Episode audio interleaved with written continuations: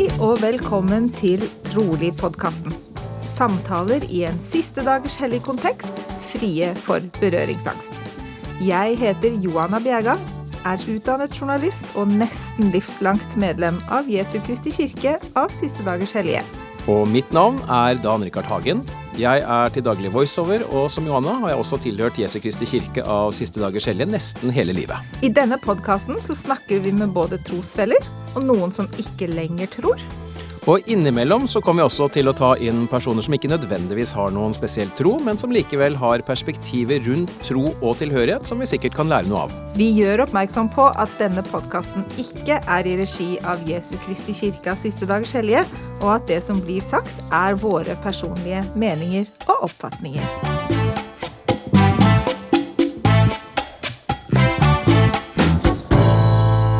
Da er vi faktisk klare med episode sju, vi, Johanna.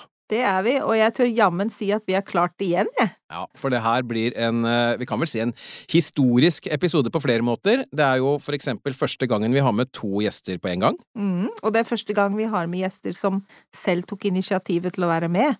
Men når det er sagt, så sto disse to på ønskelisten min før de tok kontakt, altså. Ja, og ikke bare det, men dette er jo også første episode hvor vi sitter bak hver vår mikrofon, Johanna, med tårer i øynene. Mm. For dagens episode tar nemlig for seg noe som skjer oftere enn vi kanskje tror. Nemlig hva skjer når en av partene i et ekteskap går gjennom en troskrise og endrer standpunkt? Man kan kanskje beskrive det som at toget går og den ene parten blir stående igjen på perrongen på et vis. Eller at de to partene finner en måte å fortsette reisen sammen på, men på hver sin togskinne? Og i dag så har vi med oss Kristoffer og Maria Andersen. De er bosatt i Lier. De har tre barn på henholdsvis 13, 11 og 9 år. Kristoffer han er kanskje sannsynligvis eh, for de aller fleste kjent som sønn av tidligere statspresident i Oslo, Stein Arthur Andersen. Og jeg har faktisk kjent Kristoffer siden han var liten gutt og bodde i Stavanger. Og det har vært spennende å følge med, deg, med på deg gjennom årene, om enn på avstand, Kristoffer, og det er ikke til å komme bort fra at du ligner mer og mer på din far. For mitt vedkommende så må jeg vel si at jeg husker dere to best fra et eh, foredrag som dere holdt sammen på et av kirkens familie- og ekteskapsdager. Det begynner jo å bli noen år siden. Og Kristoffer, deg så jeg faktisk sist gang i tempelet, og det er også et par år siden. Og det har jo skjedd en del ting siden da som vi skal få høre om i denne episoden. Men velkommen til oss! Tusen takk. Tusen takk. Maria er et litt mer ubeskrevet blad for min del. Frem til en utrolig god tale som du holdt på en stavskonferanse for et par år siden. Og den omhandlet erfaringene dere hadde som familie da dere bodde i Nord-Norge i forbindelse med din, var det praksis eller turnusperiode, mens du tok fysioterapiutdanning? Ja, det stemmer. Turnustjenesten, ja. Mm. Hvor lenge var dere der oppe? I to år. I to år, ja. Mm. Ok, men jeg tror vi må få litt bakgrunn her først, jeg. Har dere lyst til å fortelle oss litt om eh, si, deres kirkelige bakgrunn? Kan du begynne, Maria?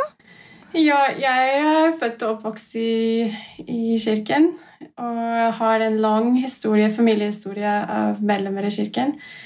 Har til og med flere slektninger som har uh, kjent Josef Smith, og en tipp-tipp-tipp-oldefar som var i det første 70, um, kårmøtet 70. Og um, hadde Josef Smith boende hos seg, faktisk. Og så har jeg andre Min bestefar som da var konvertitt så skikkelig pioneer stock, altså. Mm, det kan du si. Ja. Er det noe mer du vil vite? Nei, jeg vet ikke. Det du vil fortelle? Nei, jeg har uh, alltid hatt et sterkt vitnesbyrd. Uh, helt siden jeg var liten. Um, og det har alltid betydd veldig mye for meg. Uh, den har vart gjennom alt Ja, alt og ingenting, kan man si, i livet. det er jeg veldig glad for. Og så kommer du fra en uh, typisk uh, familie i kirken med syv søsken. Ja. Eller dere er syv til sammen. Mm. Um, er dritten i hviten, kan man si. Hva med deg, Kristoffer? Du har jo også, har jo også en uh, historie som ja, med en del holdt på å si, kjente folk. For de som er medlemmer av kirken, i hvert fall. Ja, Nei, jeg i likhet med Maria er også født og oppvokst i kirken, men da, som dere hører, i Norge. Um, og uh, jeg har også en, en familiehistorie der vi går fem generasjoner tilbake. Da min hva blir det? Tipp-tippoldefar, eller kanskje bare én tipp? Det er jeg usikker på. Jeg er i hvert fall femte generasjon. Ehm, han eh, sluttet seg til kirken, og lenge så fikk vi jo høre det at det var han som sluttet seg til kirken, men etter at vi har eh, gravd litt i papirene, så oppdager vi at det faktisk var hun som sluttet seg til kirken først. Og så døpte han seg jeg tror det var to uker etterpå. um, ja, og denne familien dro ikke over til um, Amerika, som kanskje var mer vanlig på den tiden, ehm, men ble igjen i Norge. Og sånn har nå den familiehistorien vært. Eh, for min egen del så har jeg eh, vært aktiv hele livet. Kjent misjon, gift i tempelet, hatt mange spennende kall. Kall som har betydd mye for meg, og forhåpentligvis også for andre. Det, det håper jeg.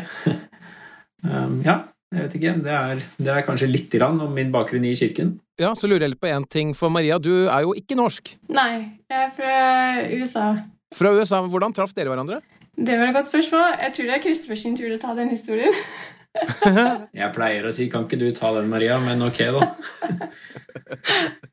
Eh, min bror han studerte på Brigham Young University, som er eh, universitetet eid av kirken. Der traff han sin fremtidige kone på det tidspunktet, eh, og jeg dro over for å henge sammen med han før han skulle bli tapt i dette konseptet med ekteskap.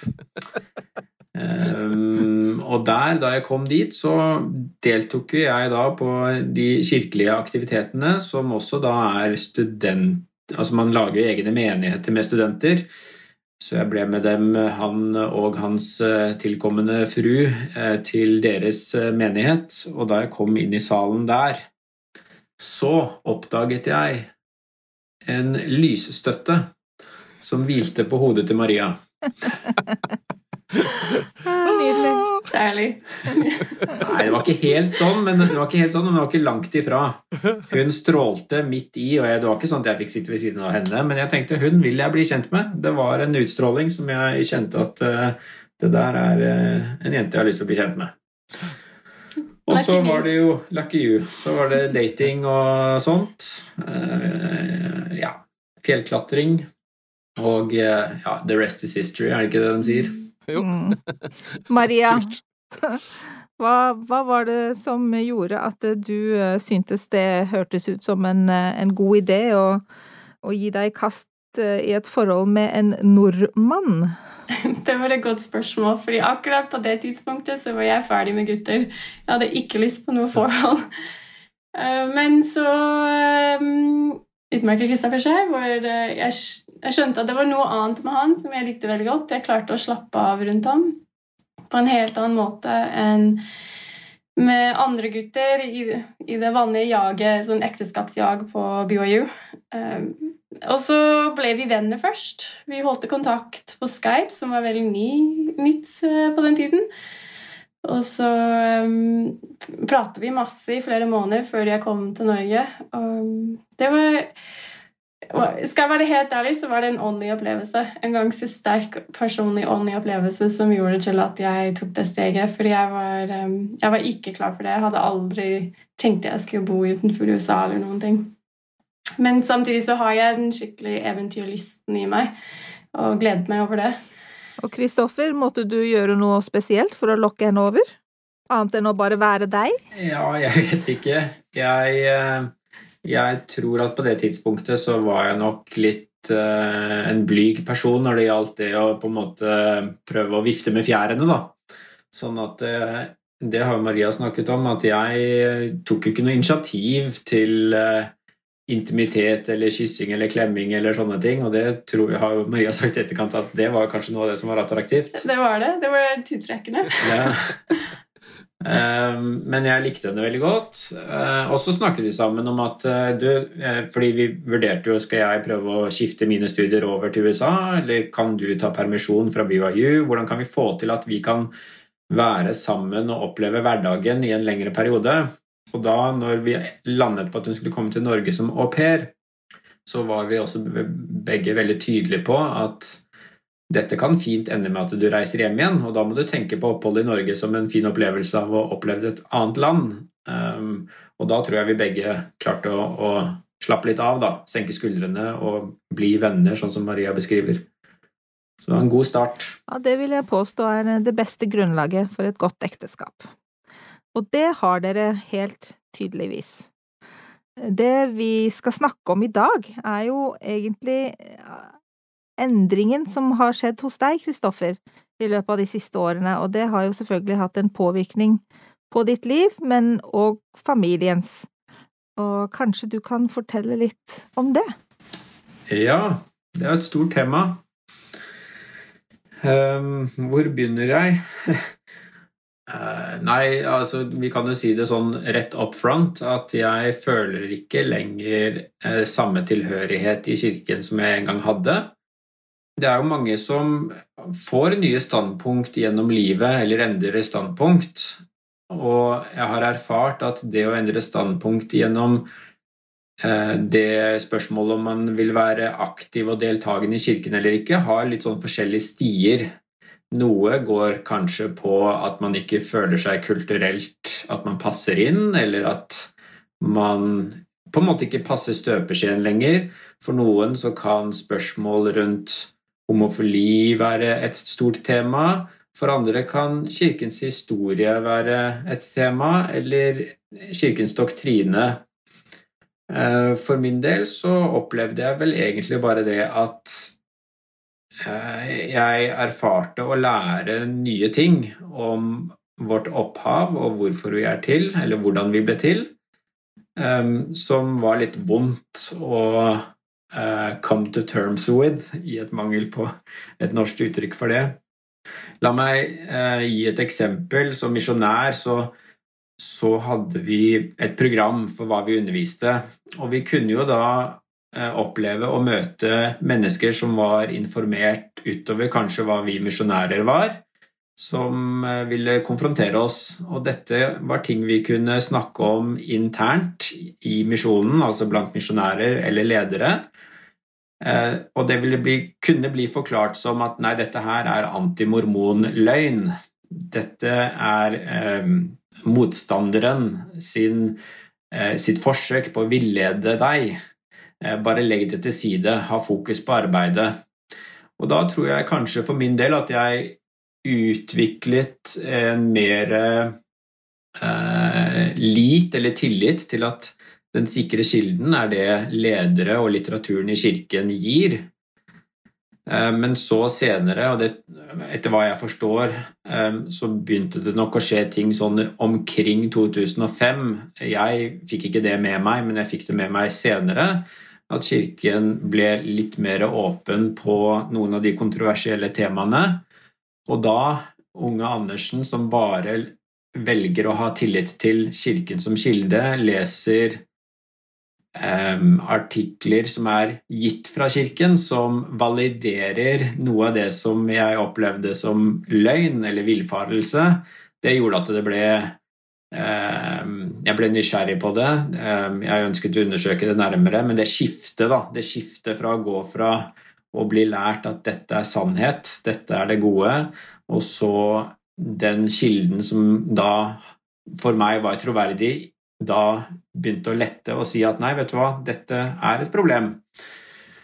Og da snakker man gjerne om the rabbit hole, eh, og det er jo basert på veldig, veldig mye studie um, og veldig mye um, forsøk på å finne en middelvei som gjorde at jeg føler at jeg kanskje til slutt havnet da, eh, med et nytt standpunkt, og det vil jeg si var for tre år siden, at jeg endelig kom til det gjennom mange år med med wrestling, som de sier på engelsk. Det snakkes ofte om en eh, metaforisk hylle, der man over lang tid legger vekk ting som man opplever som vanskelig i kirken, og så at på et tidspunkt så raser eller knekker den hyllen. Er det en dekkende beskrivelse, syns du? Ja, definitivt. Mm. Definitivt. Eh, og, den, og, det å legge ting på den hylla eh, fungerer godt, eller fungerte godt for meg i mange, mange år. Men ja, den metaforen er at den hylla blir tyngre og tyngre. Og når de, eh, de boltringsskruene først gir etter, så raser det voldsomt. Mm. Det er mye mer til denne historien det han beskriver. Han beskriver liksom den outlinen, kan man si.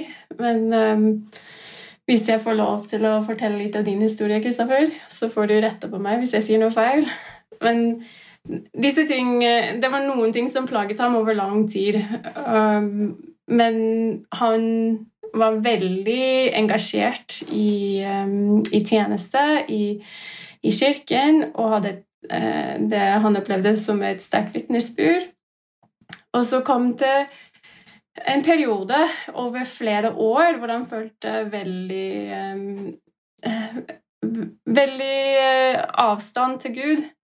Og så tok han da seg tid til å prøve å finne seg frem til Gud igjen. Og um, virkelig og Det høres Jeg klarer nesten ikke å beskrive, men dette var et, et ekte og egentlig langverdig forsøk om å finne Gud og gjøre alt det han følte han trengte å gjøre for å finne ham.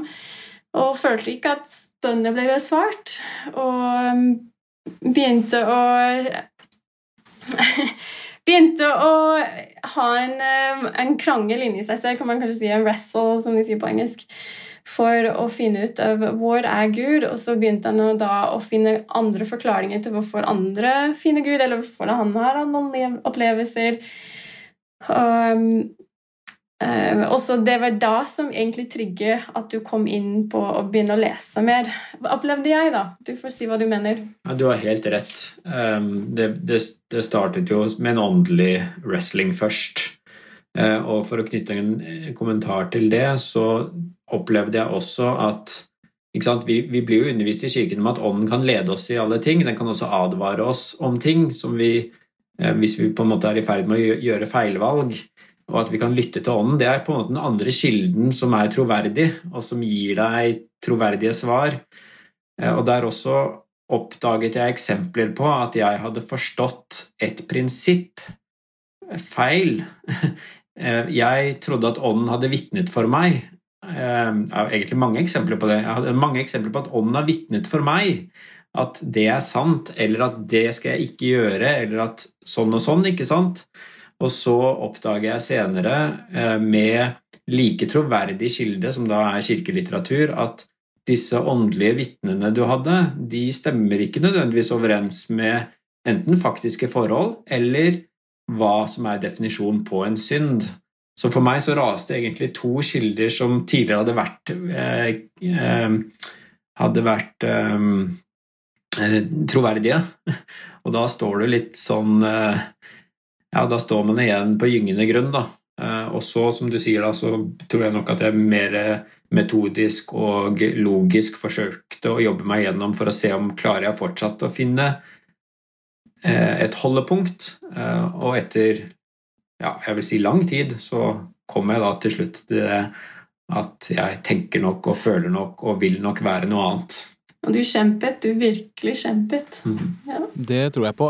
Hvis jeg skal prøve å beskrive det du sier med mine ord, da, en forkortet versjon, så sier du altså at eh, du følte at du hadde fått åndelige bekreftelser som du på en måte senere, gjennom studier, da, oppdaget var feil, sant?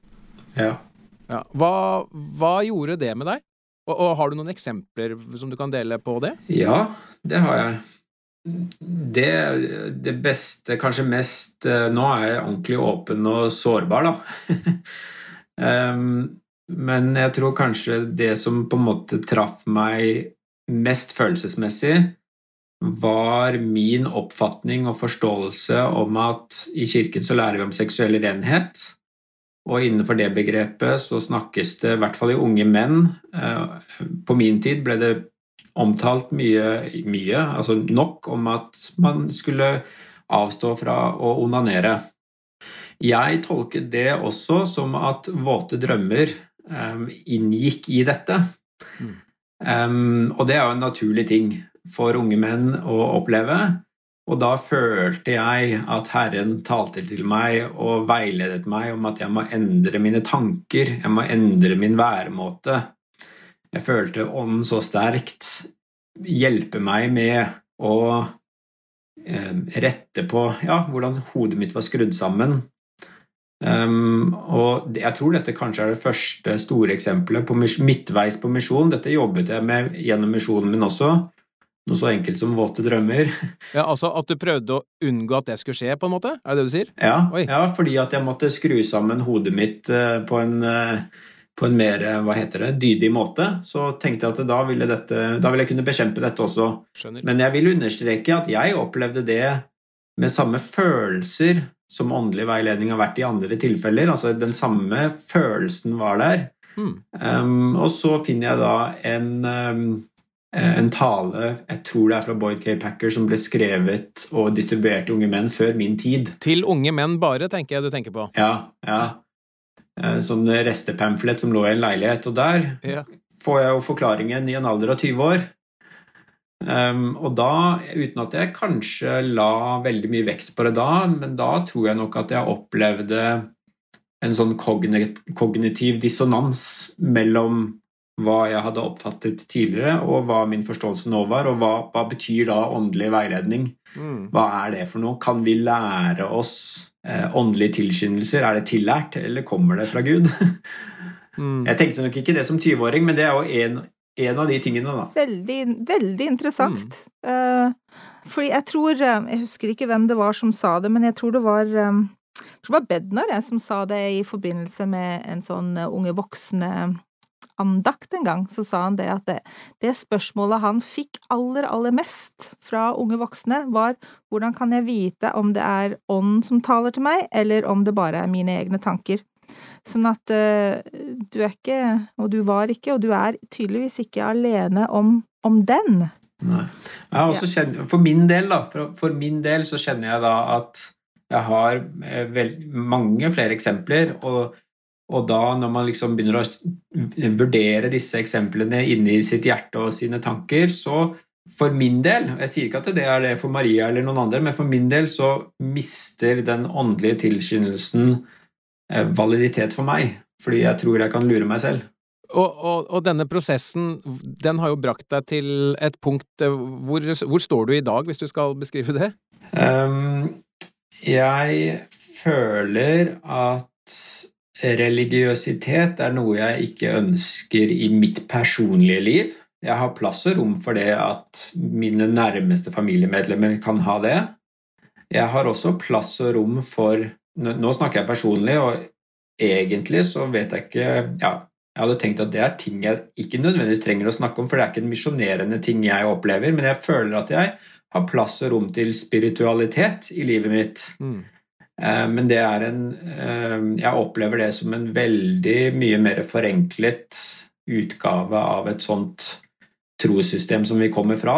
Det, er, det er en spiritualitet som ikke har svar på ting, hvis jeg kan si det på den måten. Mm. Jeg vet Men, jo ingenting. nei, nei, men er det For å si det sånn, da. Det, står du igjen med tro på noe nå, liksom? Er det noe du tror på nå? For eksempel liksom ting som for oss som har vært medlemmer hele livet, og Eh, andre for den saks skyld, som har en tro, så er det liksom sånn Det er liksom så klart for oss at ja, det er jo et liv etter døden, ikke sant, eller et liv før døden, den, eller før livet, mener jeg, mm. og sånn. Hvor, hvor, hvor, hvor, blir disse tingene av eh, i den tilstanden hvor du er nå, for eksempel? Mm. Jeg, ja, jeg har helt uh, konkrete ting som jeg tror på. Mm.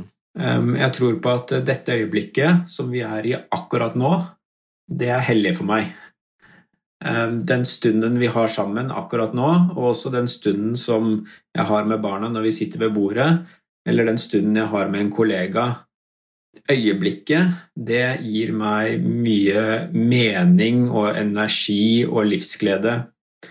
Og så tror jeg på noe annet, og det er at min eh, arv betyr mye for meg.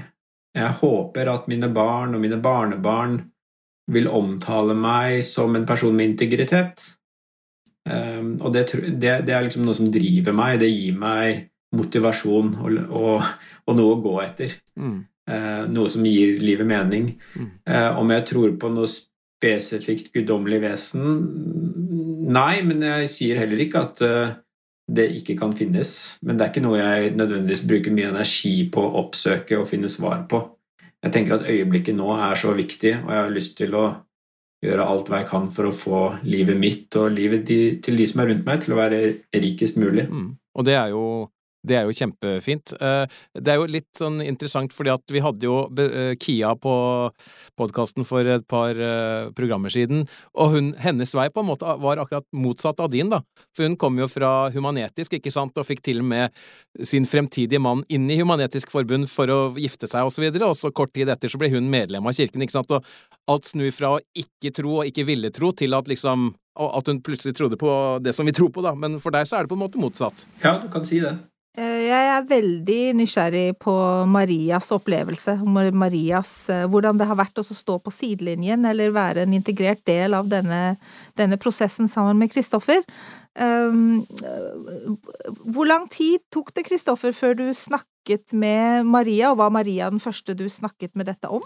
Ja, Maria var den jeg delte, eller egentlig lenge før også. Dette skjedde jo altså sånn kall det sånn halvoffentlig i, i, vår kjernefamilie og utvidede familie, så er det på en måte tidfesta til julen 2017. Eh, men da opplever jeg at jeg nok har gått i en fem år, kanskje, og jobbet med dette. Eh, og da har jeg og Maria snakket underveis om trosspørsmål og tvil og, og sånt. Um, men jeg vet ikke, hva tenker du, Maria? Jo, eller for å svare på spørsmålet, ja, Maria var den første. Eh, du kom opp eh, på hemsen på hytta og skjønte at noe var i gjære, og, og, så sa jeg det jeg trengte å si. Mm. Fortell, Maria. Ja, Han har involvert meg i hele prosessen, og det, det, tror jeg har gjort veldig mye for vår reise. At vi har klart å komme gjennom den på den måten Eller komme gjennom den på den måten vi gjør, fordi um, vi har klart å snakke sammen og være åpne med hverandre. Men det har jo så klart vært, uh, vært tøft. I starten så tenkte jeg at dette er en åndelig reise, og det var for så vidt det. At Kristoffer um, han kjemper og han letter og forsøker å finne ut um, fine Gud. Og jeg hadde stor tillit til at det kommer han til å gjøre. det. Og så ble ting vanskeligere og vanskeligere. Han um, ble deprimert. Ehm, jeg følte at jeg måtte velge mellom å være en som gikk inn i spørsmål sammen med ham og um, åpne skriftene sammen med ham, eller å være den som holdt ham mens han gråt. Jeg kunne ikke være begge deler fordi jeg visste at alle de valgene han tok, ville påvirke meg direkte, og det ville påvirke våre barn. Og det var så sårbart og, um, og tøft um, at jeg Jeg måtte bare ta det valget om at uh, han er mannen min, og det er ekteskapet vi må pleie. Hvis jeg prøver å overbevise ham om det jeg vil for at våre liv skal være lettere, så, så vil det gå den gale veien, skjønte jeg ganske tidlig, heldigvis. Uh, men det var det var, det var, vanskelig å se ham gå gjennom den eh, psykiske eh, En sånn tung psykisk prosess. Og jeg tror mange kan relatere seg til det i mange forskjellige sammenhenger. Eh, og så til slutt så måtte jeg bare akseptere at jeg går rundt og forventer at nå, nå, har du gått så lavt, du kan ikke gå lavere. Nå kommer den åndelige opplevelsen. Nå, nå skal du få svar. Og så ble det ikke til det. Det ble faktisk ofte det motsatte. At uh, Siste gang vi var i tempelet sammen, faktisk, så Dette er fin. Nei, så var jeg så glad, for jeg tenkte endelig har han fått svar. Han lyser. Uh, uh, det, han, det, ser ut som han har ånden så sterkt med seg. Og så kom vi ut til tempelet, og så sa han jeg går aldri tilbake. Det var den verste opplevelsen jeg noen gang har hatt i tempelet. Og, så, okay. så, så, så vanskelig å, å, navigere på den måten, fordi vi, eh, vi, opplevde ting så forskjellig. Og da måtte jeg bare ydmyke meg og skjønne at um, nå må jeg uh, skjønne at jeg kunne ikke ha det som jeg ville ha.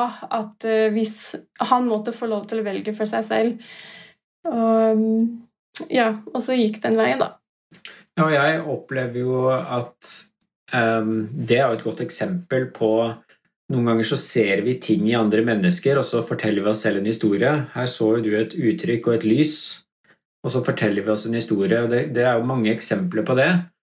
Um, og jeg tenker altså Nå er vi på en måte gjennom den tunnelen, vi er på andre siden. Vi har, det, vi har ikke hatt det bedre, føler jeg, noen gang.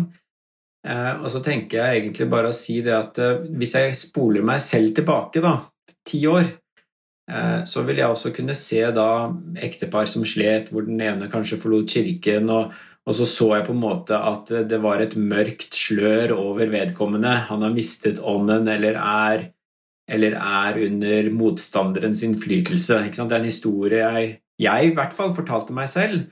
Eh, og det kan hende at det er andre også som tenker sånn i dag.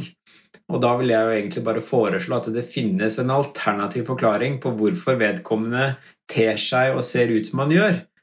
Han har mistet hele sitt fundament, er i sitt livs største krise, um, gråter lange nattetimer eh, og har det tøft og vanskelig, eh, og foreslå at du da, når du føler at du går inn i dette med den største grad av integritet som du klarer å få til fordi du har blitt gitt innsikt i nye ting, og blir fortalt at du er kanskje villedet, det er jo en av de verste tingene, opplever jeg, da, fra mitt ståsted. Medlemmer kan ikke bare si, men tenke om folk som lever med tvil. Vi snakket jo litt før vi eh, begynte opptaket, eh, og da snakket eh, dere litt om dette med, med, å forstå hverandres smerte. At det var smerte på begge sider, og at det var viktig å anerkjenne smerten på begge sider. Er det egentlig mulig for den andre å fullt ut forstå partnerens smerte, tenker du, Maria? Ja, men det, det tar tid.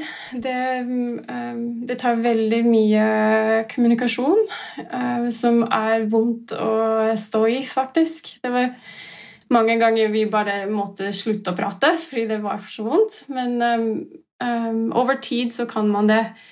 Hvis man er villig til å være sårbar og åpen overfor hverandre. Uh, og det kan, være, det kan være vanskelig i seg selv å åpne seg i, i, frykt om at den andre vil dømme eller um, tenke noe ondt. Men jeg tror at hvis, hvis um, folk flest som kommer kanskje ikke til å møte en truskrise i sitt liv, eller har noen veldig nærstående som opplever en truskrise jeg tror at Hvis de kunne forstå det, så ville tilnærmingen vært helt annerledes på hvordan vi hjelper dem. Vi har en veldig misjonerende um, tilnærming, tilnærming ja, takk, eh, i kirken vår. Og da, da er det første vi har lyst til å gjøre, er å komme og si 'nei, du tar feil', og, og så forsyne. Eh, men som Christopher sier, så har han brukt alle de samme argumentene med andre. Han vet, eh, han vet hva det går ut på, han vet hva vi kommer til å si, og så tenker han i sin vil jeg tro at uh, du vet egentlig ikke hva du snakker om, fordi en truskrise er så mye mer. Det er en krise, akkurat på lik linje som, uh, som andre tragedier. Å miste noen i familien, akutt alvorlig sykdom eller traume man går gjennom. Det vi gjør i kirken, er at vi omfavner person uten å stille spørsmål ved hvorfor de opplever det, har det så vondt. Vi eh, kaster, kommer med masse kjærlighet, ubetinget kjærlighet, og lager middager, sender meldinger. Vi er til stede, og jeg tror kanskje hvis folk virkelig forsto en truskrise, så ville de ha den samme tilnærmingen til den personen uten å stille spørsmål. Bare være der, være til stede. Mm. Du kan jo si på en måte 'jeg tenker på deg', eller, eh, eller sånne ting, men men du kan ikke si 'jeg er, der, er, til stede'. Du kan ikke late som om du er til stede. Enten er du til stede, eller så er du ikke til stede. og Det handler jo bare om å sitte ved siden av. Mm. Så ja, jeg tror det er smart å ikke nødvendigvis komme med løsninger, men bare være, være til stede. For hvis vedkommende vil det, da. For det er jo noen som i en periode syns det er vanskelig mm. å være sammen med fe tidligere felles trosfeller.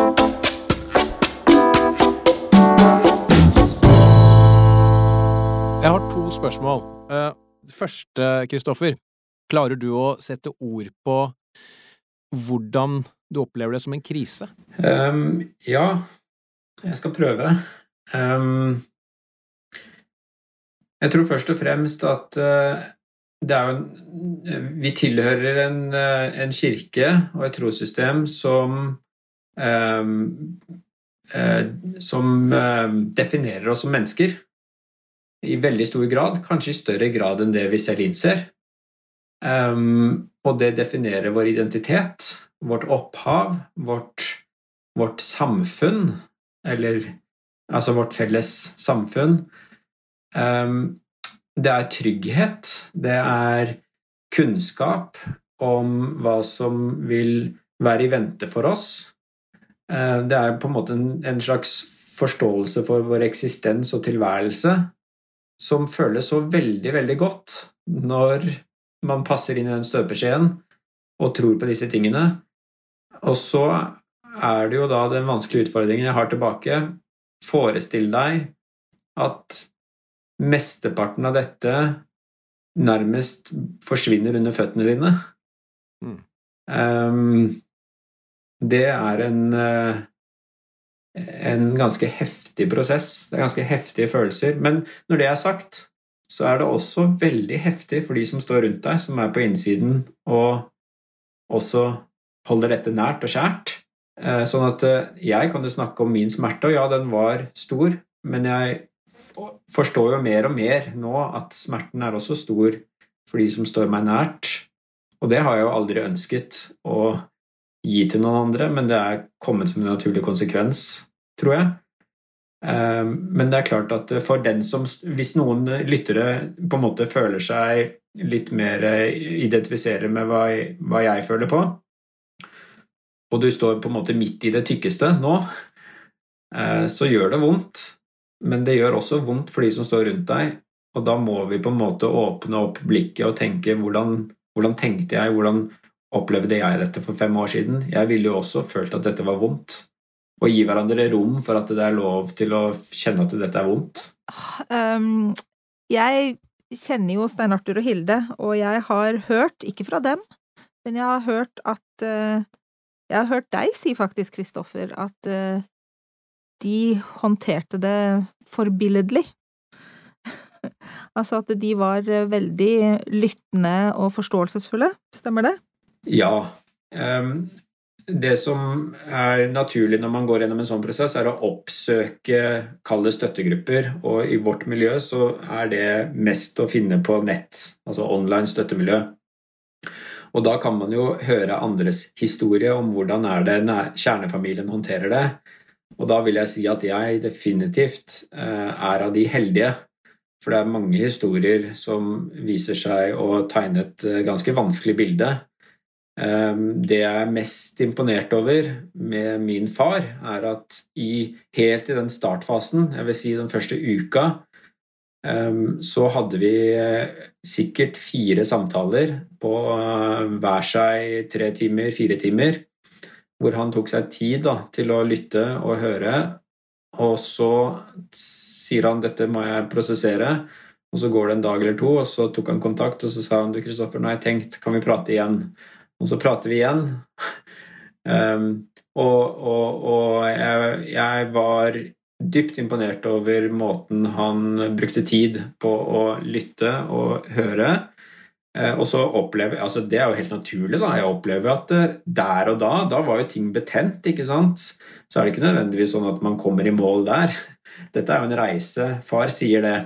At Kristoffer, du har jo tatt oss med på en reise. Uh, enten du ville det, eller vi ville det. Og den, den, fortsetter. Den er jo ikke over, den.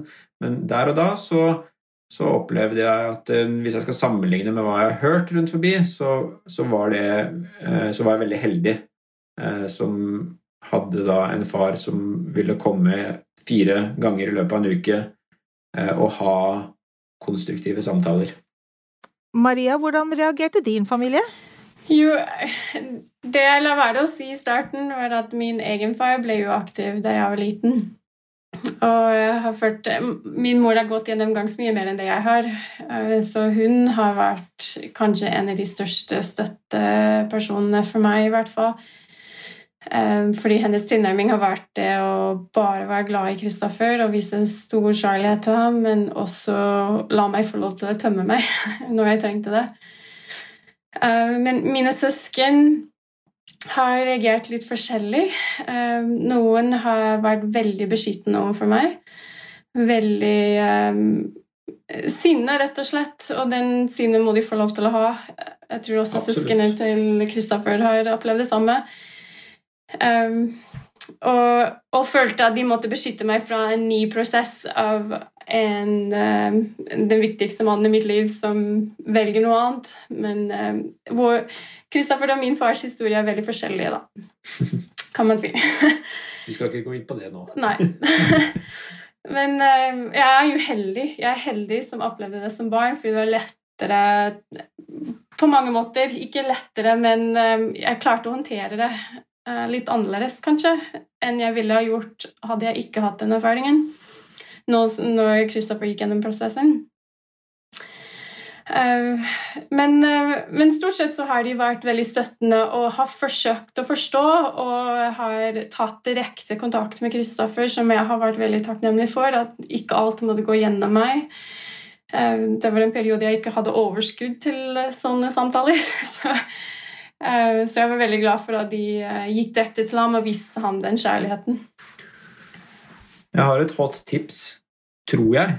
Det er ikke sikkert, men eh, jeg opplever at kanskje den mest normale reaksjonen fra venner og storfamilie er stillhet. Um, og det for noen jeg, jeg, jeg, kan jo ikke tale på alles vegne som, som, har mitt perspektiv, men mange opplever at det er strevsomt at dine aller nærmeste, som du anser som aller nærmest, altså god venn eller nær familie, ikke stiller deg spørsmål, nesten som vondere.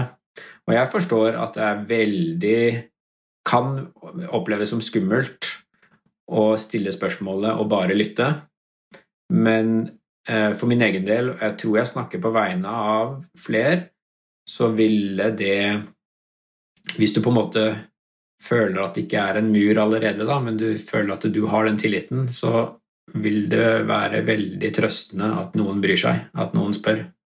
Det er også en gråsone, fordi man er usikker på om man tør å få få ting i fleisen man egentlig ikke vil høre. Så det, litt, det er litt personavhengig også. Ja, ja. Og det forstår jeg. Nettopp. Det var akkurat det jeg skulle si, jo, at man, man, man, man prøver vel på en måte forsvare sin egen tro, eller eh, hva skal jeg si be, um, Beskytte. Beskytte, takk. Det er vel litt det også, at man er litt redd for ok, men tenk om han faktisk har funnet ut noe som bare Som jeg ikke kan svare på, da, som bare fullstendig ødelegger min tro, liksom. Mm. Men uh, hva, hva, ville ditt uh, råd være, da, til uh, ja, andre medlemmer av kirken som vil ønske å hjelpe noen som er gjennom samme situasjon? Nei, jeg tror at hvis du kjenner på at du er en nær pårørende, og du allerede har en god dialog med vedkommende, eller en nær venn, hvis du kjenner det inni deg, at dette her er en god venn som står i sitt livs største krise, så vil jeg råde deg til å ta kontakt, invitere ut på et eller annet. Altså, du må ta, sette deg tid. Det er ikke sikkert at de kommer til å overrumple deg med alt mulig, og kanskje de gjør det.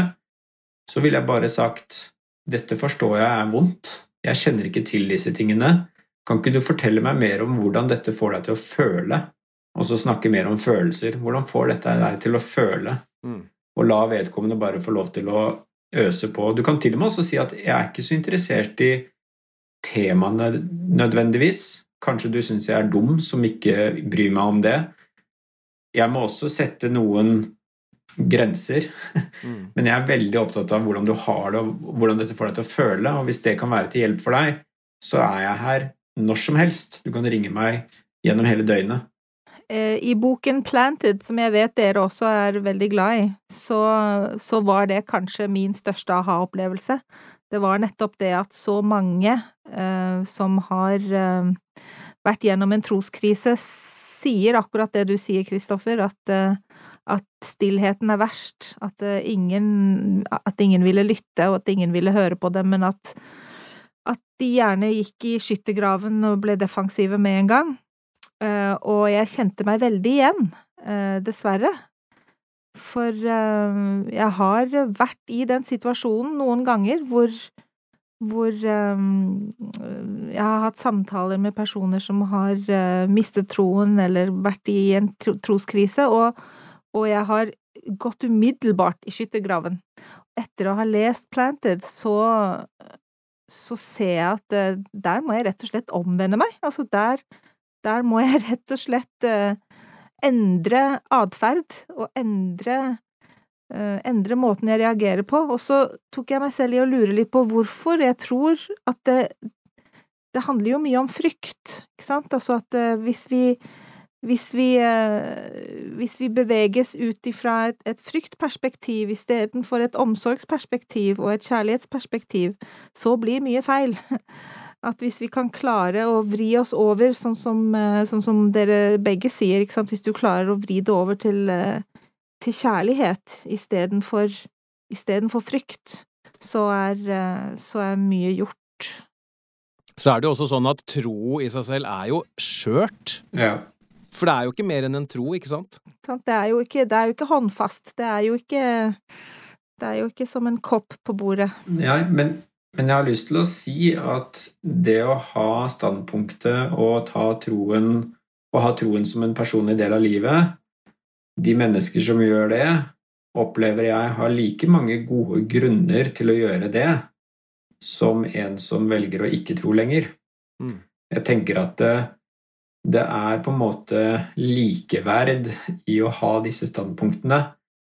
Eh, og hvis jeg da skulle tenke tilbake på min tid, så som troende, så ville jeg nok kanskje sagt at det var en forskjell. At det å ikke tro, det er den enkle løsningen, eller du har kanskje syndet, eller du mistet åndens veiledning, eller hva det måtte være. da, At det på en måte blir et lavere eh, Hva er ordet jeg er ute etter? Det er ikke like edelt som det å tro, ville jeg kanskje ha tenkt for ti år siden. Men jeg er av den oppfatning nå at eh, begge sider er nok eh, like valide standpunkt å ha. Av ulike grunner, selvfølgelig. Dere har nevnt at eh, barna deres på en måte blir flerspråklige, også på et åndelig plan. Kan dere forklare det litt nærmere? Ja, på mange måter så er jeg veldig glad for at uh, vi har blitt tvunget i en uh, familiesituasjon hvor vi må snakke om begge sider. Og for barnet sin del at um, det Kristoffer har opplevd med den følelsen av å ha blitt løyet til, at eh, vi kan på alle måter unngå det.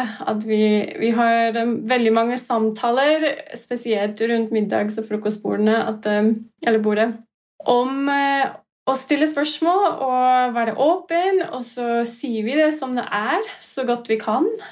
Jeg fra mitt troende perspektiv og Kristoffer fra sitt perspektiv. Uten, og vi prøver veldig hardt å ikke forvirre dem, men å heller dra frem hva de tenker om forskjellige ting. Og heller presentere fakta. Og, ja. og så sier vi at vi støtter dere uansett i hvilket valg dere tar. Mm. Og da noen ganger stiller vi kontrollspørsmål. Eh, datter 1. Tror du at hvis du velger det og det, at pappa vil støtte deg 100% Og da får jeg, jeg føler at vi får et genuint ja. Og så stiller vi det samme spørsmålet. Tror du at mamma støtter deg 100% i det valget? Og jeg opplever at datter 1 da svarer med genuinitet ja. Og noen ganger må vi spørre oss selv vi, mener vi det når vi sier det. Så vi vil støtte dem i hva de velger. Det, det vi er opptatt av, er at de velger um, ut ifra et um, um, informert At de har et informert valg, at de prøver ut det åndelige, og at de uh, også forstår det logiske og og andre, ja, det går begge, begge deler i alle, alle argumenter. Men men at um, det er virkelig deres valg, ikke bare noe de faller inn i fordi det er lettest, men at de tar et, et bevisst valg, da. Mm. Kan, uh, en ting jeg lurer litt på, som jeg fort ser kan by på litt utfordringer da, i den situasjonen som dere er i nå, uh, og har vært en stund, det er jo rett og slett barneoppdragelse, det er uh, familiens hjemmeaften, familiebønn, hvordan liksom dere må jo svare på det dere har lyst til å svare på, også ikke, men uh, hvordan klarer dere å manøvrere i det? Jeg ser at det kan bli vanskelig. Vet du hva, det har vært en av de største, største utfordringene, i hvert fall for meg. Fordi jeg har um, jeg har alltid vært den som Vi gjør som profeten sier, vi gjør alle disse tingene, og vi var ganske trofaste, spesielt med familiens hjemmeaften og familiebønn før. Og så plutselig var det veldig, veldig sårt for Kristoffer. Hver gang vi åpner skriftene, så vil han nesten få en kvalme reaksjon. Mm. Uh, og for meg så var det veldig veldig sårt å ikke kunne gjøre det. At um, det er Kirken og mitt vitnesbyrd og vitnesbyrd generelt, et forhold til Kristus er det viktigste av jeg kan gi mine barn, men for Kristoffer så er det verste de kan få. Nei, det er feil. Det er feil. Men Ja, det er, Ja, det er, unnskyld. det er nok Det var- litt mer nyansert. ja, ja, ja, ja. Men eh, han vil ikke Vi har Perspektivene er litt forskjellige, da. Ja. Uh, Ja, så vi har, vi har virkelig måttet uh, ta noen veldig tunge samtaler ganske ofte, egentlig, og så finne frem til løsninger som fungerer for oss, og det som fungerer for oss, fungerer ikke for andre. Um, men eh, jeg har faktisk vært veldig glad for å ha hjemmekirke. Fordi Ja. kirke er noe vi ikke diskuterer. Det er, eh, jeg kan få lov til å ha kirke, og eh, det høres feil ut også, men, men det har blitt et veldig fint arena for meg og barna å snakke om evangeliet. da. Hjemme. Nei, jeg opplever at eh, nøkkelordet her er kanskje kompromiss. Og så føler jeg at du besk definitivt beskriver kanskje for ett år siden og to år siden og tre år siden, så var det veldig utfordrende å på en måte finne ut av hvordan kan jeg ivareta min integritet? Jeg prøvde jo å gå i kirken hver søndag, og gjorde det nesten Jeg vet ikke om det var et år. Og så sa jeg nå må jeg nå, altså Det gjør bare vondere og vondere. Nå er jeg nødt til å ta annenhver søndag eller hver måned, og så kom covid. Men da går, føler jeg at jeg går utover meg selv da, i å, å være Altså det som ikke er komfortabelt med meg, og det gjør du også. Eh, Så det er masse detaljer her som er helt sånn eh, familiespesifikt. Men jeg tror nøkkelordet er samtale, kommunikasjon og kompromiss og gi hverandre rom og plass. Og så føler jeg nå, i hvert fall for min egen del, at det er mye enklere nå. Når man på en måte har kommet, Nå er vi tre år inn i dette. Jeg kjenner at det er mye lettere nå å ha disse samtalene enn hva det var i den toårsperioden. For det er nemlig sånn at det er mange som sier at når du på en måte har tatt standpunktet ditt, så er du i et mørke eh, Dark soul of the night, kalles det. I et år eller to. Og det er gjerne sorgprosess. da. Du er gjennom faser av sorg. Um, og da er alt betent, og alt er vanskelig. Jeg kjenner ikke helt at det er, at det, er det samme nå, da. men vi er fortsatt på en reise. Og det er hele veien snakke sammen, kommunikasjon og kompromiss og gi hverandre Jeg er opptatt av at alle barna skal føle at de har den største lekeplassen som overhodet mulig. Og det tror jeg du også vil. Du vil også vise dem det lekestativet, eller den delen av lekeplassen, og så har jeg lyst til å vise dem at det er også andre måter å gjøre livet på.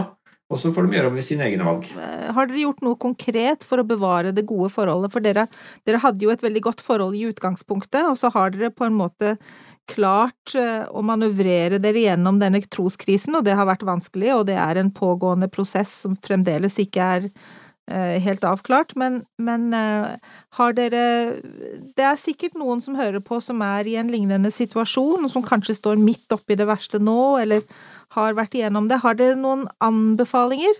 Jeg innser at alles trosreise er forskjellig, og at det ikke er noe fasitsvar, og at det bare er individuelle erfaringer her, men, men har dere noen sånne generelle råd som dere kanskje kunne gitt til andre som opplever lignende situasjon? Jeg tror det aller viktigste for oss har vært det å klare å Eller å forsøke å håndtere våre egne følelser på en måte som vi kan vise respekt overfor den andre. At uh, i de stundene vi har lyst til å rope ut og si 'hva er det du driver med', eller, eller 'dette går ikke an, jeg vil ikke ha dette', eller hva det er, at man da klarer å sette seg inn i den andres uh, situasjon og, og begrense uh, hvor mye negativitet som kommer ut. Alt må man snakke om, og man må jo få frem følelsene sine, ikke gjemme ting bort. Det er, det er kjempeviktig, men å gjøre det på en respektfull måte. Så godt man kan. Vi har eksempler på begge to på gode samtaler og dårlige samtaler. Men uh, hovedsakelig så har vi virkelig forsøkt begge to å, um, som Christopher pleier å si, å være på et høyere plan og prøve å, å ikke um, gå rundt med pekefingeren, men forstå at dette er vanskelig på begge veier. Ja, jeg tenker at uh, det er snakk, snakk, snakk, snakk så langt du klarer det, og fortsett å snakke og krangle. Vi har jo aldri ropt til hverandre, det er jo ikke vår natur, men vi kan være dypt uenige, og det kan gjøre vondt. Men bare fortsett å snakke og snakke og snakke. Eh, og så finn andre aktiviteter, finn andre fellesarenaer som dere begge kan eh, sette pris på. Eh, for vår del så har det vært å trene sammen. Da kjøpte vi oss noen strikker og en, og en høyttaler og musikk. og trening. Maria er jo fysioterapeut, så vi har jo trent ute i hagen her, bare hun og jeg. da, Og det, det der å oppleve endorfiner sammen og, samt, og legge seg ned på gresset og prate etterpå, det har vært en ekstremt fin ting. Da føler jeg en stor grad av eh, emosjonell intimitet. Og så har vi eh, dratt i gang med å lære oss å prøve å danse. Eh, det også er en ja, fin ting da, som en kan gjøre sammen. Bruk tid sammen, om det er løpe, svømme eller lese bøker eller uh, mure en vegg. Jeg vet ikke. Bruk tid sammen. Se, se på maling tørke sammen! ja. Gode råd for, for alle ekteskap, det jeg påstår. Ja. Men uh, jeg har et spørsmål til før vi skal antageligvis gå videre til de faste postene. Dere snakker jo Det du foreslår nå, er jo uh, gode aktiviteter som man kan gjøre sammen, men det jeg ser for meg, uh, er at det som eller er det sånn at det For deg da, Maria, vil det hele tiden ligge en sånn i bunnen at det er en del av eh, Hva skal jeg si, da? At evangeliet stikker jo så dypt, mm. ikke sant? Så, så, er det på en måte er det en del av deg nå som ikke lenger kommuniserer, kanskje, med Kristoffer? Vi hadde en samtale om dette senest i dag, faktisk. Det var kanskje det som var um, Det var en av de tingene som var veldig vondt for meg. Uh, at jeg følte at uh, det som var så viktig for meg, kunne jeg ikke dele med han lenger. Og jeg tror han også har kjent litt på det. Definitivt. Ja. Uh, og nå snakket vi i stad Jeg delte noen skriftsteder jeg hadde funnet som hadde hjulpet meg i hverdagen. og han fortalte litt om ting han hadde lest. og og det føles veldig godt at vi har kommet dit, for jeg, jeg, føler nå at jeg kan dele hva som helst, men fortsatt forsiktig. Filtrert. Filtrert, ja. Det er ikke, det er ikke helt uh, legge alt på bordet, um, akkurat som jeg tenker det i hodet noen ganger. Mm. For det er jo også sånn, Kristoffer, uh, uh, da spør jeg vel egentlig deg, for det vi lærer i kirken, kan vi være enige om at det er prinsipper og verdier som egentlig er en slags um, hjelp til suksess i dette livet? Alt som er godt i kirken, tenker jeg er fantastisk bra, og det er veldig mye av det mm. i kirken.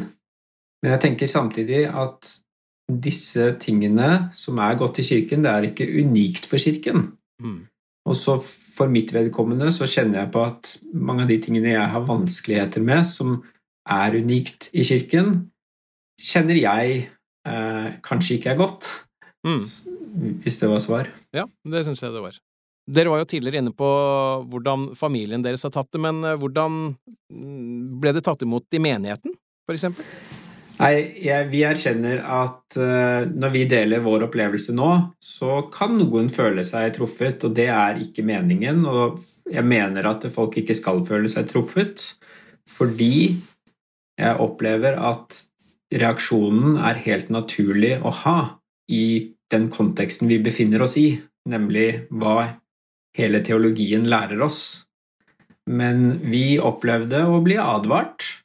Vi opplevde å eh, motta råd som kanskje ikke var til styrke for ekteskapet vårt. Og det var litt strevsomt å sitte med det. Um, og så delte vi dette samme da, med noen nære vennepar som ikke har noe med kirken å gjøre. Og det er kanskje motstykket. Um, det første de sa, var Hvordan går det med dere? Dette klarer dere. Er det noen her som vi kjenner som klarer dette, så er det dere. Så vi fikk sånn, helt sånn rett fra levra en heiagjeng. Eh, og den heiagjengen om at vi skal lykkes i et ekteskap der vi har forskjellige perspektiver, for det er ikke helt sånn i forhold til standarden i kirken. Der skal vi helst alle være omforent om disse verdiene og denne troen. Ehm, så det kanskje illustrerer litt forskjellen, og det var kanskje litt det vanskelige for oss. Eh, men så har vi da opplevd, som vi har vært inne på tidligere, eh, støtte og hjelp eh, underveis. Men, men, eh, men, men, men kritiser, vi kritiserer ingen enkeltpersoner, for vi opplever, jeg opplever at dette er en helt naturlig reaksjon å ha. Eh, som en del av hva kulturen er, da, kanskje. Og for meg, det, det, jeg satte veldig pris på, var at det var flere Eller en, en liten gruppe som snakket veldig fint om Kristoffer sammen med meg når jeg gikk med så mange vanskelige følelser og, og tanker, at uh, de snakket veldig positivt om meg, om han, samtidig som de validerte mine følelser. Og det satte, jeg, det satte jeg veldig pris på. Spesielt en som bare gråt sammen med meg i bilen en, en kveld. og... Um, og samtidig uttrykte at Eller si til Kristoffer at vi er glad i ham. Og var Hun hjalp meg til å være mer glad i Kristoffer på et tidspunkt som var vanskelig. Og det, det, var jeg veldig glad for. Og som du sier om disse venneparene, så, så, å få et håp, et håp De ser noe i oss som vi kanskje ikke ser akkurat nå. De, de heier på oss. og det er ingen betingelser for om han skal komme tilbake til kirken, eller, eller hva det er. Det er bare at de sier at dere klarer dette. Det ga, det ga veldig mye styrke. Ja, så vi, så vi trenger Sånne som oss, vi trenger en heiagjeng. Det er vel det vi trenger. Jeg tror det, det gjør vi vel alle. Ja. Eh, men jeg har lyst til å si, når dere beskriver dette her nå, så, så kjenner jeg at jeg blir litt trist. Um, fordi jeg er redd for at jeg dessverre kjenner igjen eh, måten jeg reagerer på som dere beskriver som ikke var til hjelp, og det jeg kjenner at det irriterer meg litt, at, at min tro setter meg i en slik situasjon at jeg kan finne på å kanskje reagere så dårlig og så lite konstruktivt i en så vanskelig situasjon. Men det, det, skal du ikke føle. Fordi, og det er en av de grunnene vi ville dele vår historie også. Fordi vi kjenner oss selv igjen i det. Mm. Jeg kjenner i hvert fall meg selv i det, igjen i det. Og det er en kjempesuksess, Dan, mm. å bare erkjenne det og være klar over det. Det er jo en suksess i seg selv. Og så er jo veien hvor tar vi det herifra? Og jeg ville legge til det at ta gjerne og omfavne den personen som er igjen. Det, det er den personen som trenger åndelig styrke og åndelig føde og, og hjelp. Den, den, som har tatt et valg om å gå ut, mm. de har brukt sin handlefrihet for ja. å gå ut. ja. ja. det er ikke ofte altså, da, det er ikke det har ikke skjedd før, tror jeg, at både Dan og jeg sitter og griner under opptak. Gjør du òg, ja? ok. Jeg trodde det bare var meg, jeg. Ja. Nei. um, og dette var, dette var veldig sterkt og veldig fint. Ja, uh, og veldig konstruktivt. Mm. Um, føler jeg. Jeg håper virkelig at det kan være til hjelp for, uh, for de, som, de, som, hører på. Mm. Skal vi bare brøsje oss litt opp før vi går til til de faste postene, og ikke minst avslutte denne delen med å si at vi heier også på dere. Å, takk. Takk.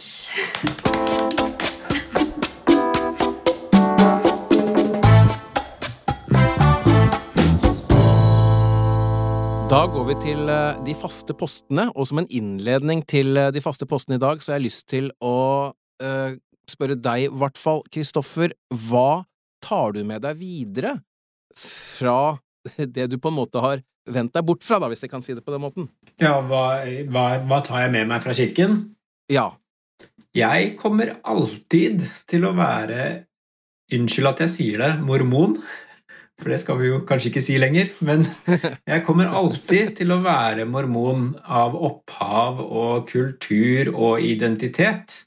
Og i dette så har jeg, jeg har blitt det mennesket jeg har blitt. På godt og vondt. Um, og jeg er takknemlig for alle de tingene som jeg har med meg fra kirken. Jeg klarte ikke å se den takknemligheten i starten, men det begynner å gå mer og mer opp for meg at det er sånn her jeg er blitt til, og jeg er glad for den jeg er. Um, og så tar jeg med meg viktigheten av å ivareta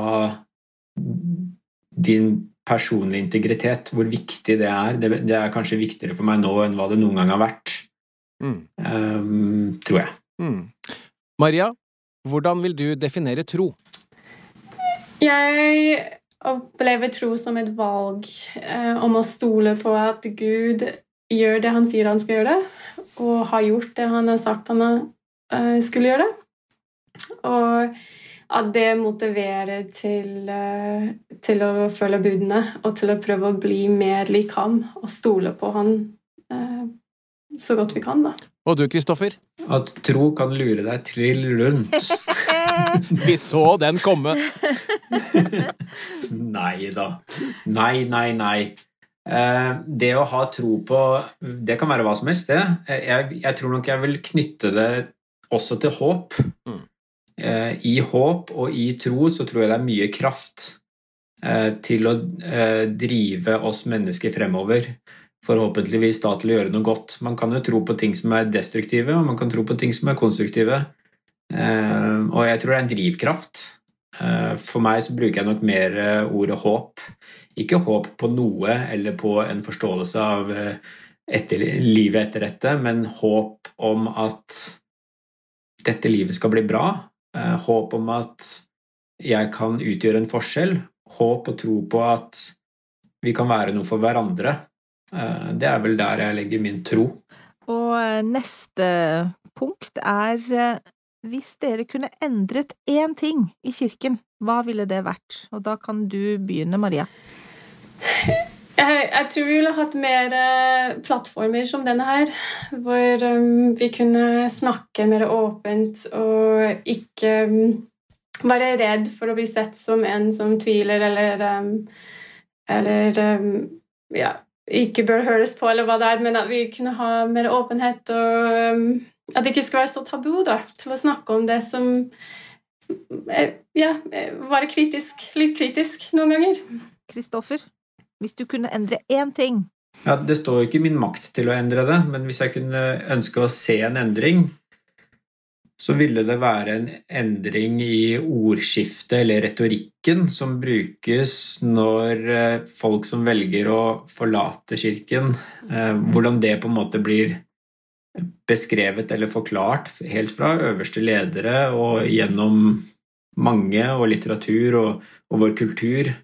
Eh, men det er jo sett i lys av mitt perspektiv, det har jeg syntes vært strevsomt å høre på autoriteter uttale seg om sånne som meg. Eh, jeg skulle ønske at ordskiftet der eh, endret seg. Hvis vi snur på det da og spør deg, hva er det fineste med kirken? Det er definitivt fellesskapet. Det å, å høre til. Eh, det å ha Du føler på en måte at du har venner og bekjente i alle land, i alle kriker og kroker. Eh, ja, så det er det der Altså, dette med at like barn eh, leker best, det er jo en opplevelse jeg tror treffer det å tilhøre en kirke som vår kirke.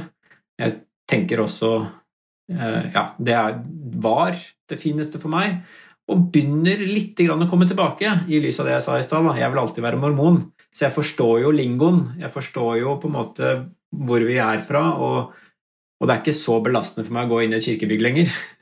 Det går greit. Det er fordi at jeg er på utsiden av den verste fasen. Hva med deg, Maria? Både det som ikke er unikt for vår kirke, men også det som er det. At um definitivt det personlige forholdet jeg har til Kristus, som da ikke er unikt. Det er mange som har det. Og den freden og kjærligheten jeg føler gjennom det forholdet. Også det som kanskje er mer unikt for vår kirke, er hvordan den strekker meg. At uh, vi får veldig mange forskjellige typer ansvar i kirken som uh, er ofte utenfor komfortsonen. Og um, jeg er veldig veldig takknemlig for eh, sånne ting som å holde taler gjennom hele livet, å synge på Nøversmøte, eh, sånne ting. Og også ikke minst Carl. Eh, hvordan de, det strekker meg til å være et bedre menneske. Ja, skal vi strekke oss etter å bli bedre mennesker, alle mann? Dan? Jeg syns vi skal gjøre det, jeg. Ja. Vi har en vei å gå, vi også, har vi ikke det? Jo visst har vi det. Det er jo det livet handler om. Det er jo det som gjør det så gøy. Tusen takk for at dere to stilte opp, og ikke minst uh, klarer å være så åpne og ærlige om noe som uh, uh, naturligvis har vært både tungt og vanskelig, og sikkert på mange måter fortsatt er det. Tusen takk for at vi fikk lov til det. Og tusen takk for at dere er så ekte og positive og konstruktive. Det har vært veldig, veldig fint å snakke med dere. Takk for det. I like måte. Ja, hvordan skal vi oppsummere denne episoden her, Johanna? Uff, jeg er helt uh, utlada, jeg. Ja. rett, og slett litt, rett og slett litt sånn uh, mentalt sliten, kjenner jeg. Mm. Men det var, det var sånn godt vondt. Ja, Er det lov å helt si enig. Jeg er helt enig. Det var en slags godvond opplevelse, på en måte. Det er eh, selvfølgelig trist å høre om og, den forståelige smerten og alt som eh, de har gått gjennom, men veldig, veldig godt å se måten de har takla det på. Det er jo egentlig, for meg virker nesten rett og slett forbilledlig. Ja, og altså, jeg er så, jeg er så imponert av, eh, av dem. Mm. De, er, de har en, en åndelig modenhet som eh, langt overgår deres alder, i hvert fall. Det kan vi nok være helt enige om. Vi som er så steingamle, vi er jo ikke der i det hele tatt. Ja. Eh, så jeg holdt på å si snakk for deg selv, men jeg vet at du har helt rett. Som vanlig. Som alltid. Som vanlig. Ja. Men vi skal jo på ingen måte gi oss med det, Johanna. Vi har en ny episode på gang om to uker, så det er bare å gjøre seg klar for det. Og i mellomtiden så har vi jo både nyhetsbrev og måter å komme i kontakt med oss på. ja, det har vi. Så følg oss på Facebook og på Instagram og på Twitter. Og vi vil fremdeles gjerne ha forslag til emner og gjester på mail, og da kan du sende mail til eh, troligpodkast med k at gmail.com. Ja, og vi venter på å høre fra deg. Ha et par riktig gode uker til vi høres igjen om to uker med en ny episode. Ha det!